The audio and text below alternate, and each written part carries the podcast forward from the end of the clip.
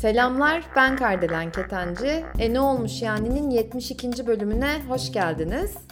Arkadaşlar bu bölümde bölüm konuğum Gamze Hanım. Yalnız zaten bölümde de hani bahsediyorum. Daha önceden kayıt almıştık ve gayet güzel olmuştu. Hani sohbetimiz çok güzel akıp gitmişti. Ve bölüm sorumuz da yenilikler her zaman korkutucu mudur? Lakin o kayıtta o kadar çok teknik aksaklık oldu ki yani böyle hani yer yer kopukluklar falan olduğu için onu yayınlayamadık. Bir daha zaten telefonda konuştuk bunun üzerine.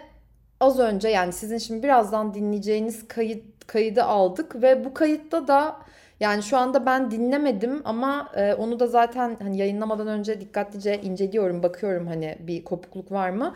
Birkaç böyle küçük kopukluk varsa zaten birazdan dinleyeceksinizdir. Onlar için de yine dediğim gibi affola diyorum. Çünkü uzaktan kayıt aldığımızda bu internetten falan dolayı böyle şeyler olabiliyor. Neyse bunu ikinci kez söylemiş oluyorum. Çünkü yani Gamze ile sohbet ederken de değindim. Böyle o biraz sinirimizi bozdu ama nazar diyelim. Umarım bir daha böyle şeyler yaşamayalım. Yani çok güzel böyle akıp gitsin ee, hani uzaktan aldığımız sohbetli yayınlarda da böyle olsun. Onun dışında da erkek arkadaşlarımızı da özellikle konuk almak istiyorum. O yüzden dinleyen erkekler lütfen e ne olmuş yani podcast Instagram hesabında benle iletişime geçmekten çekinmeyin. Sizin aklınızda bir soru varsa ya da paylaşmak istediğiniz bir konu varsa özellikle sizi konuk almak isterim. Çünkü çok fazla bundan da çok mutluyum. Asla hani niye kadınlar yazıyor, niye böyle hep kadınlar demiyorum. Lütfen öyle anlamayın. Ama erkeklerden de biraz hani sizlerin de bakış açılarını, deneyimlerini, paylaşımlarını dinlemek isterim. O yüzden çekinmeyin derim ve e, keyifli dinlemeler diliyorum. Umarım sohbetimizden siz de keyif alırsınız ve sizi bizimle baş başa bırakıyorum. Gamze selam. Selam.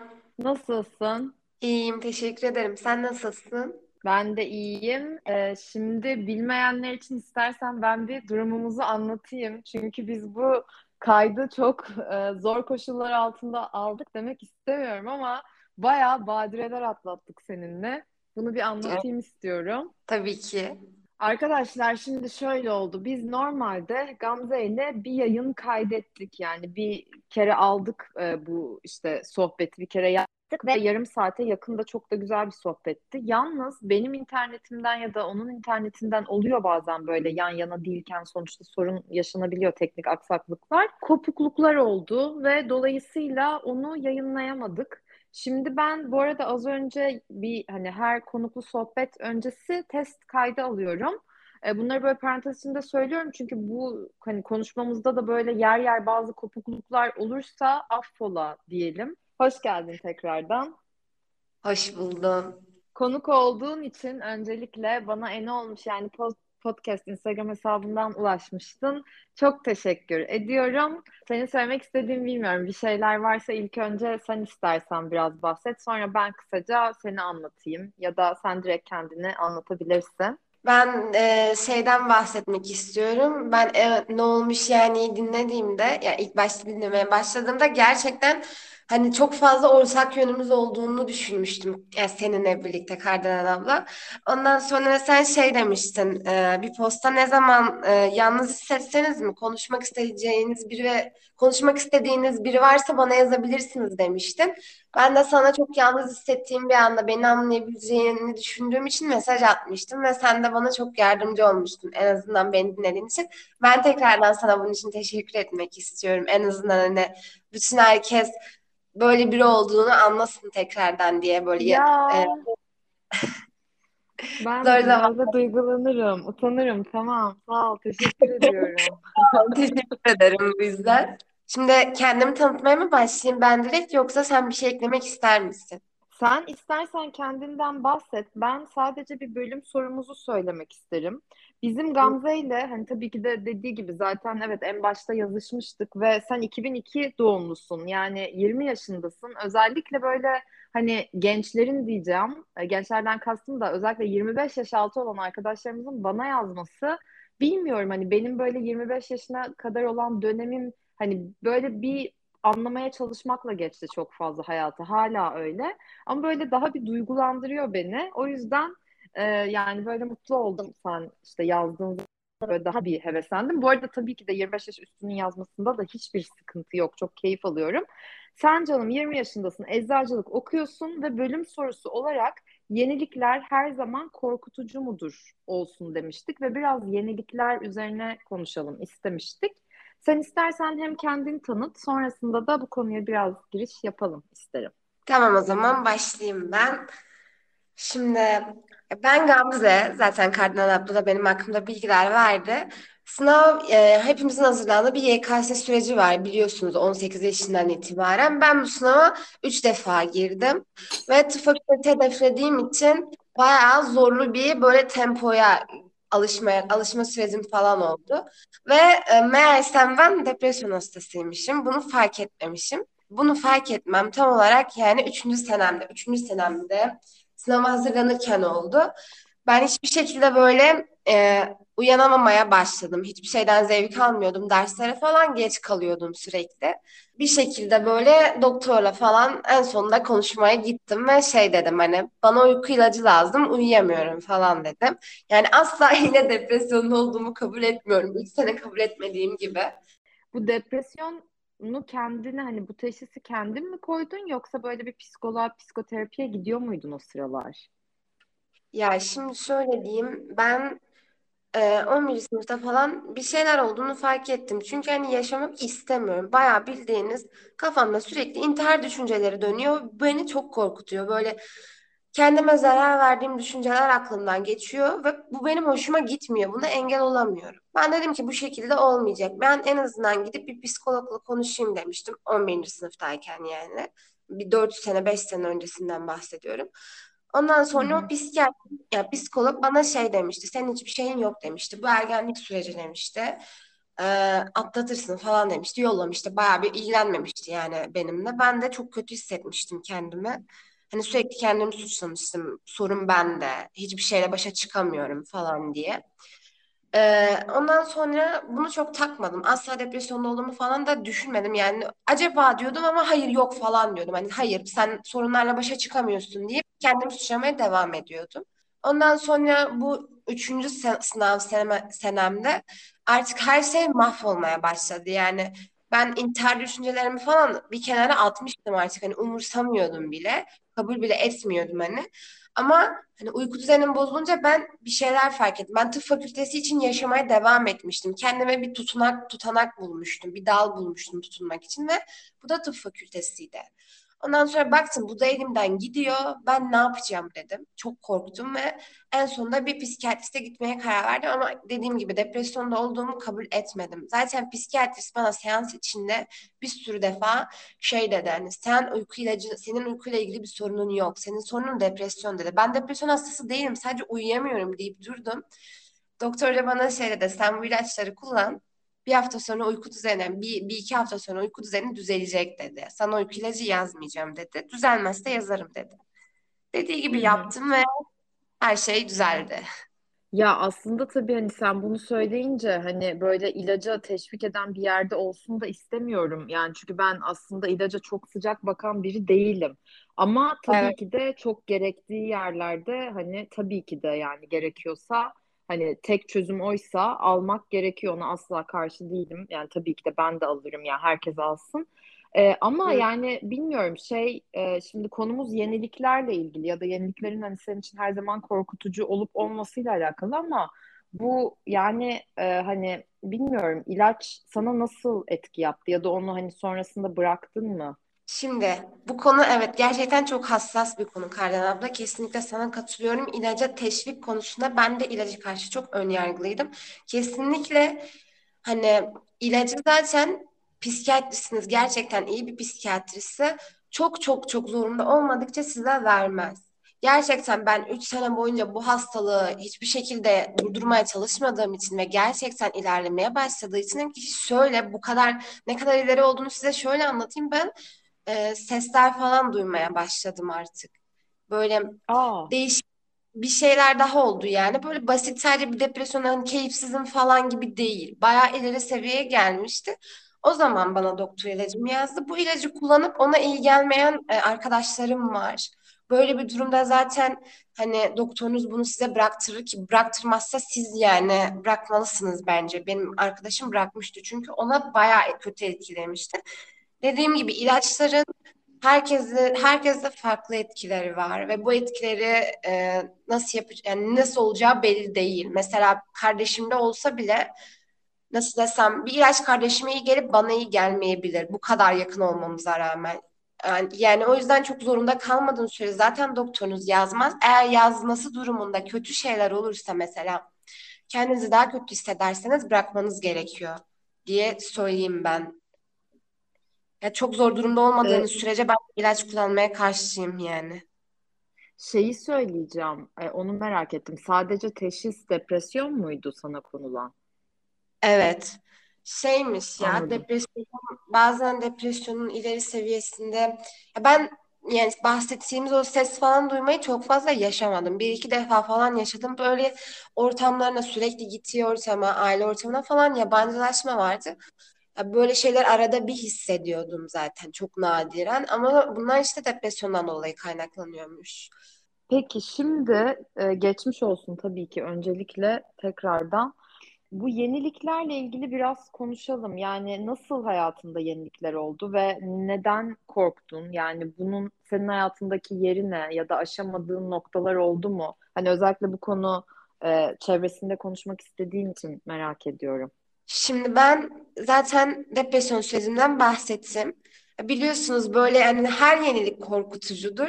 Ama böyle bir sorununuz varsa ya da nasıl desem sorununuz olmasa bile çekingen bir insansanız, utangaç bir insansanız, asosyal bir insansanız hiç bilmediğiniz bir ortama girmek sizi çok korkutur.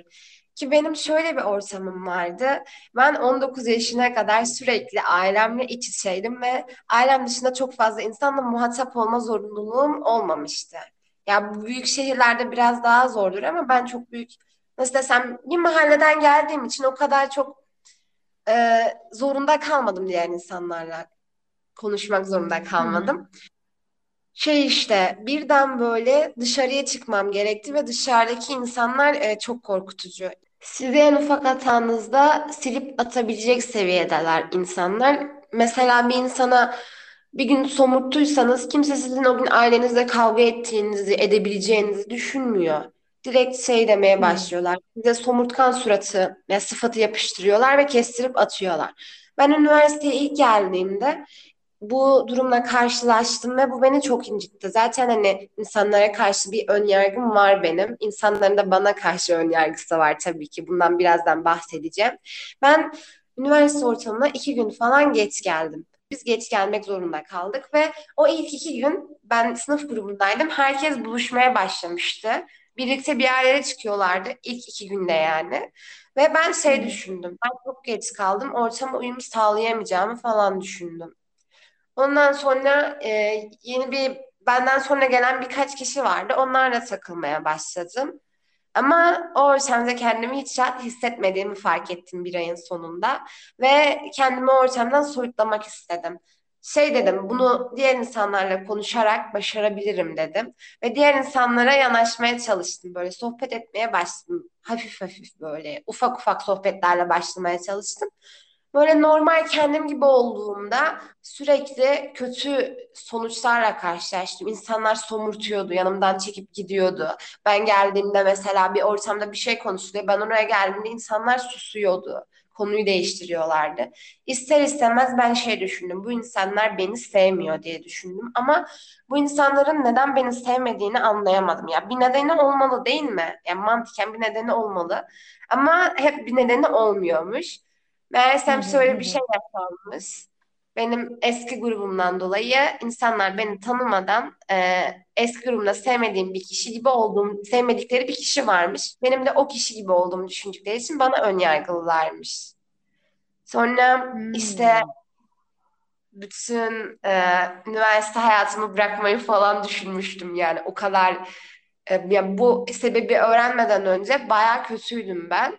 Sürekli böyle ailemi falan aradım. Arkadaşlarıma sürekli insanların beni sevmediklerini, bana karşı benden rahatsız olduklarını falan söyledim ve ailem sürekli bana neden böyle bir şey olacağını falan söyledi. Hiç beni anlamadılar. Yani şey dediler, insanlar niye senden durduk yere nefret etsin dediler.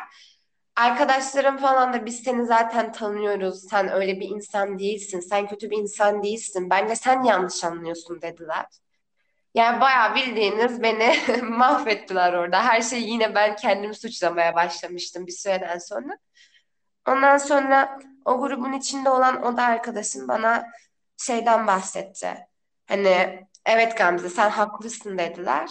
Benim hakkımda şey demişler. E, o önceden başka bir grupta olduğu için biz onun hakkında çok yanlış düşündük demişler. Ama hiç öyle bir insan değilmiş. Çok tatlı bir insanmış demişler ve şu an hani o bir aylık sürecim aşıldı ve arkadaşlarımla aram gayet iyi yani. Pes etseydim ve gerçekten üzülseydim, çabalamasaydım büyük ihtimalle ben hala o grupta kalacak ve kendimi çok kötü hissedecektim. Aslında burada bir de tabii şöyle de bir şey olmuş gibi hani hem tabii yenilik bu sonuçta sen ailenle hep yaşıyorsun anladığım kadarıyla yaşamışsın ve baya böyle bağlı bir ailesiniz yine anladığım kadarıyla tabii.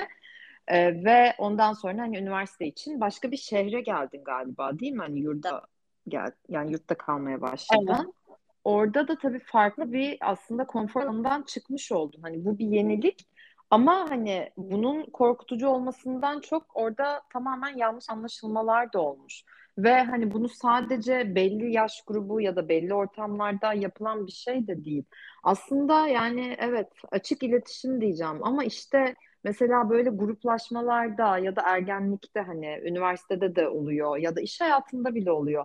Gruplaşmalarda şeylerde falan hani insanlar birbirini çok yanlış anlayıp ve açık birbirleriyle iletişim kurmayıp bu şekilde aslında e, saçma anlaşılabiliyorlar. Yani o kişi seninle konuşsaydı mesela daha önceden falan bunun önüne geçilebilirdi bir yerde diye düşünüyorum.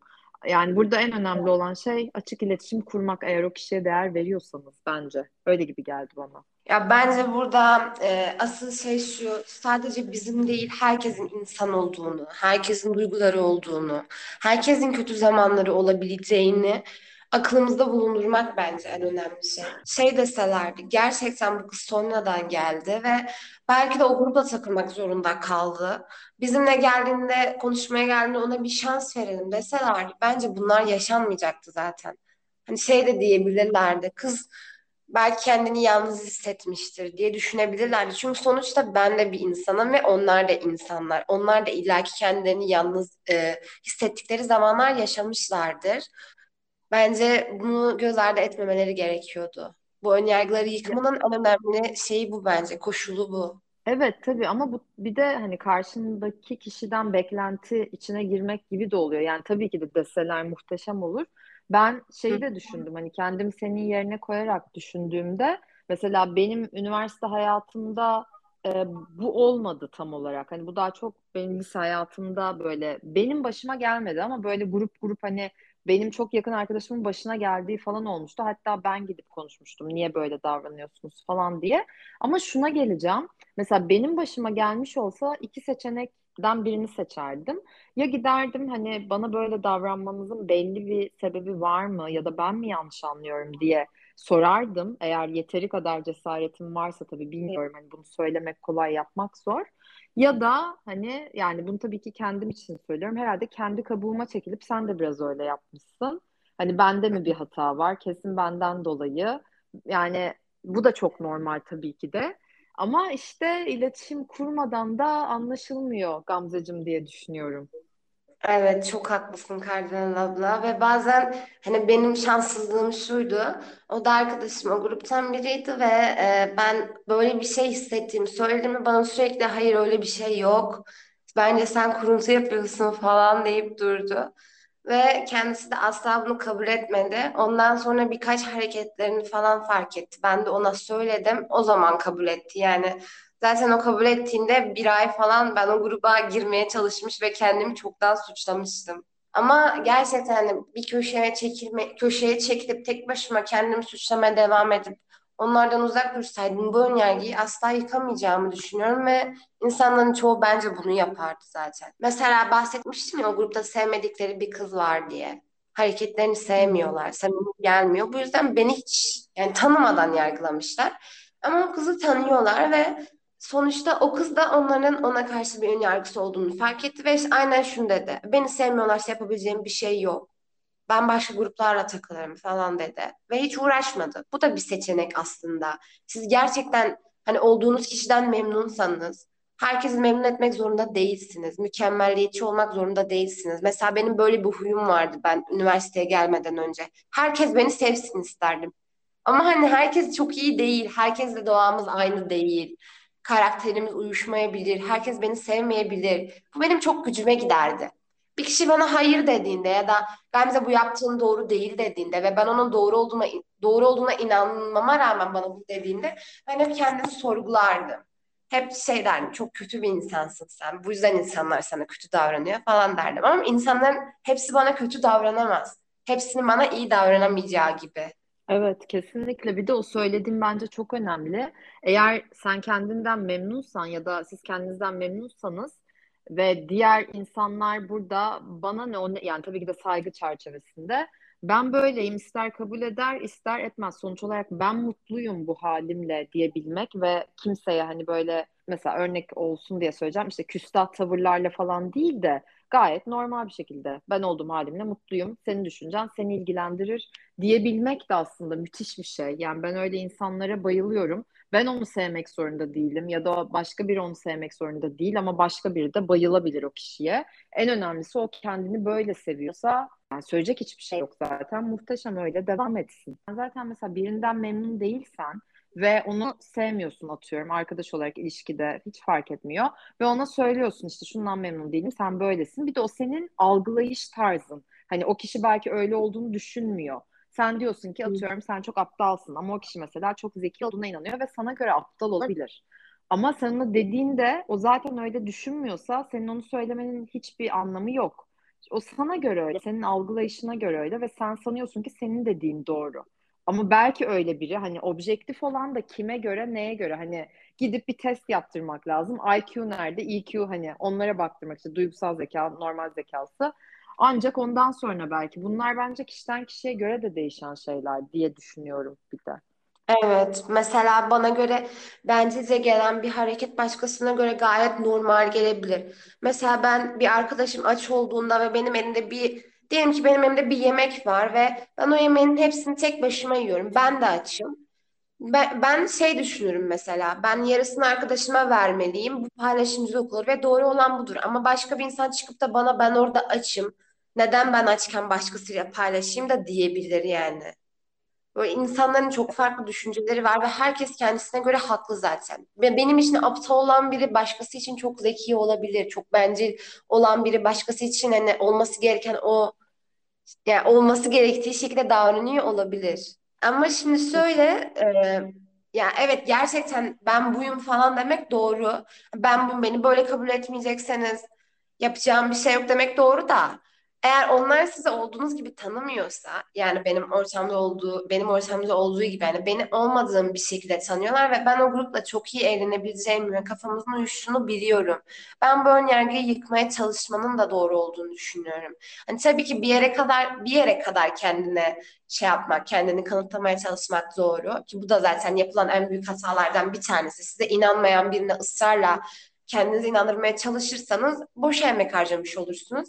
Ama bu tarz şeylerde bir iki defa hani o ön yargıyı yıkmaya çalışmak bence doğru bir şey. Bu yeniliklerde en azından hani ya yeniliklerde böyle bir köşeye çekilip kendi kendimi sorgulamaktansa ben birkaç insanı yanıma alıp onlarla birlikte bu yeniliği aşmayı tercih ediyorum. Bence böyle daha kolay oluyor. Bir de evet şimdi bu e, hani bölümü böyle çok fazla uzatmamak için şu soruya geri dönmek istiyorum. Burada hani senin için hani yenilikler her zaman korkutucu mudurdu zaten sorumuz. Yenilik olan aslında hem üniversiteye başlaman hem de bu arkadaşlarınla, arkadaş ortamınla yaşadığın olaydı.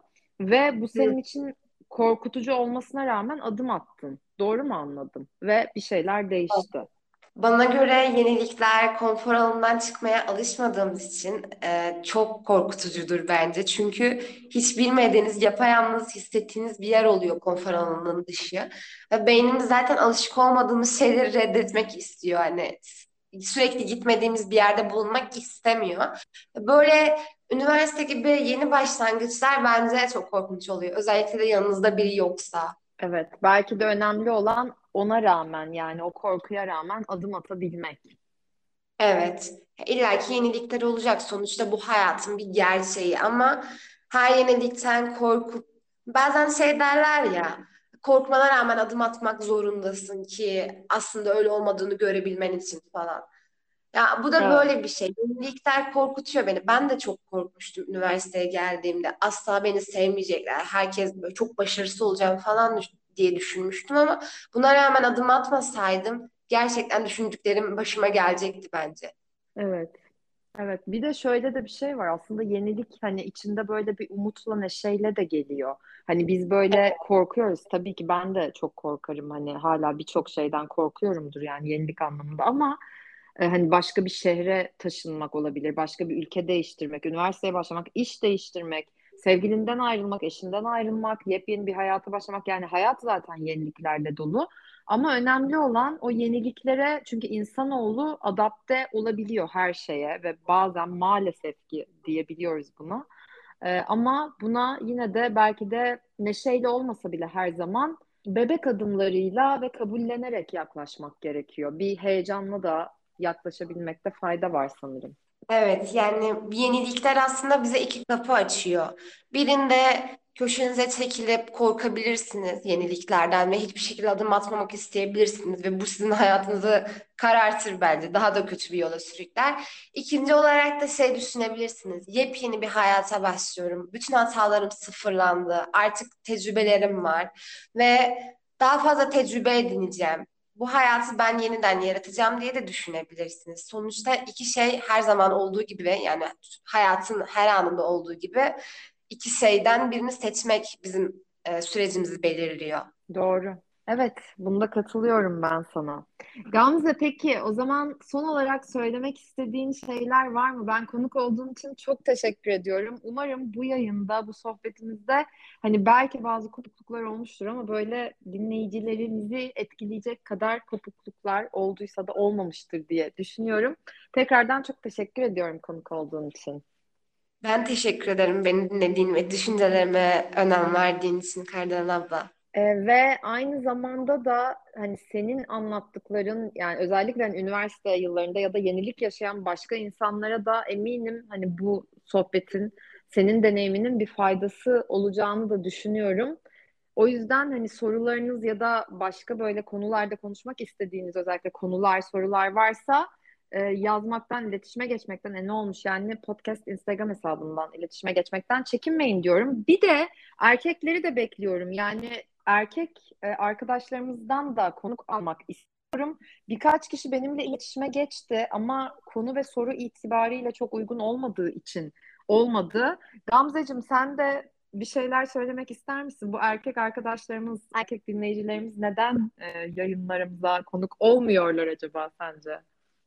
Büyük ihtimalle toplumsal baskı oluyor yani biz biraz duygusal duygularımızdan, yaşadıklarımızdan ve onların etkilerinden bahsediyoruz. Büyük ihtimalle onlar da hani ses tonundan falan anlaşabil anlaşılabileceklerini düşündükleri için bundan korkuyor olabilirler ama şey demek istiyorum. Hepimiz insanız. Erkek ya da kadın olmamız değiştirmiyor. Hepimizin duyguları var ve bence bunlar bunlar bizi insan yapan şeyler. İnsan insan olduğundan utanmamalı. İnsan duygularından utanmamalı bence. Bu yüzden hani erkek kadın demeden birini seviyorsanız sevdiğinizi, bir şeyden inciliyorsanız incindiğinizi ya da travmanız varsa bunu anlatabilmeyi öğrenmemiz gerekiyor bence. Tabii ki yok bu arada hani isim falan vermek zorunda da değil anlatanlar sadece ses tonu oluyor. Bir de şunu ben de söyleyeceğim dediğine duyguların kadına erkeği olmaz. Toplumsal baskıdan dolayı olduğunu ben de düşünüyorum bu duygu anlamında erkeklerin daha zor ifade etmesi anlamında.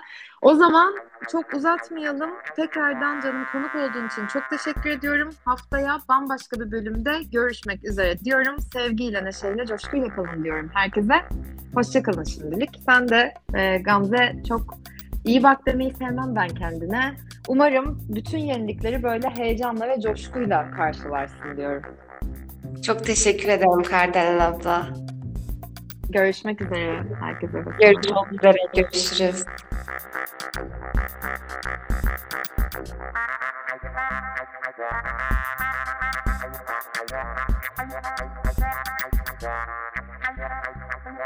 Thank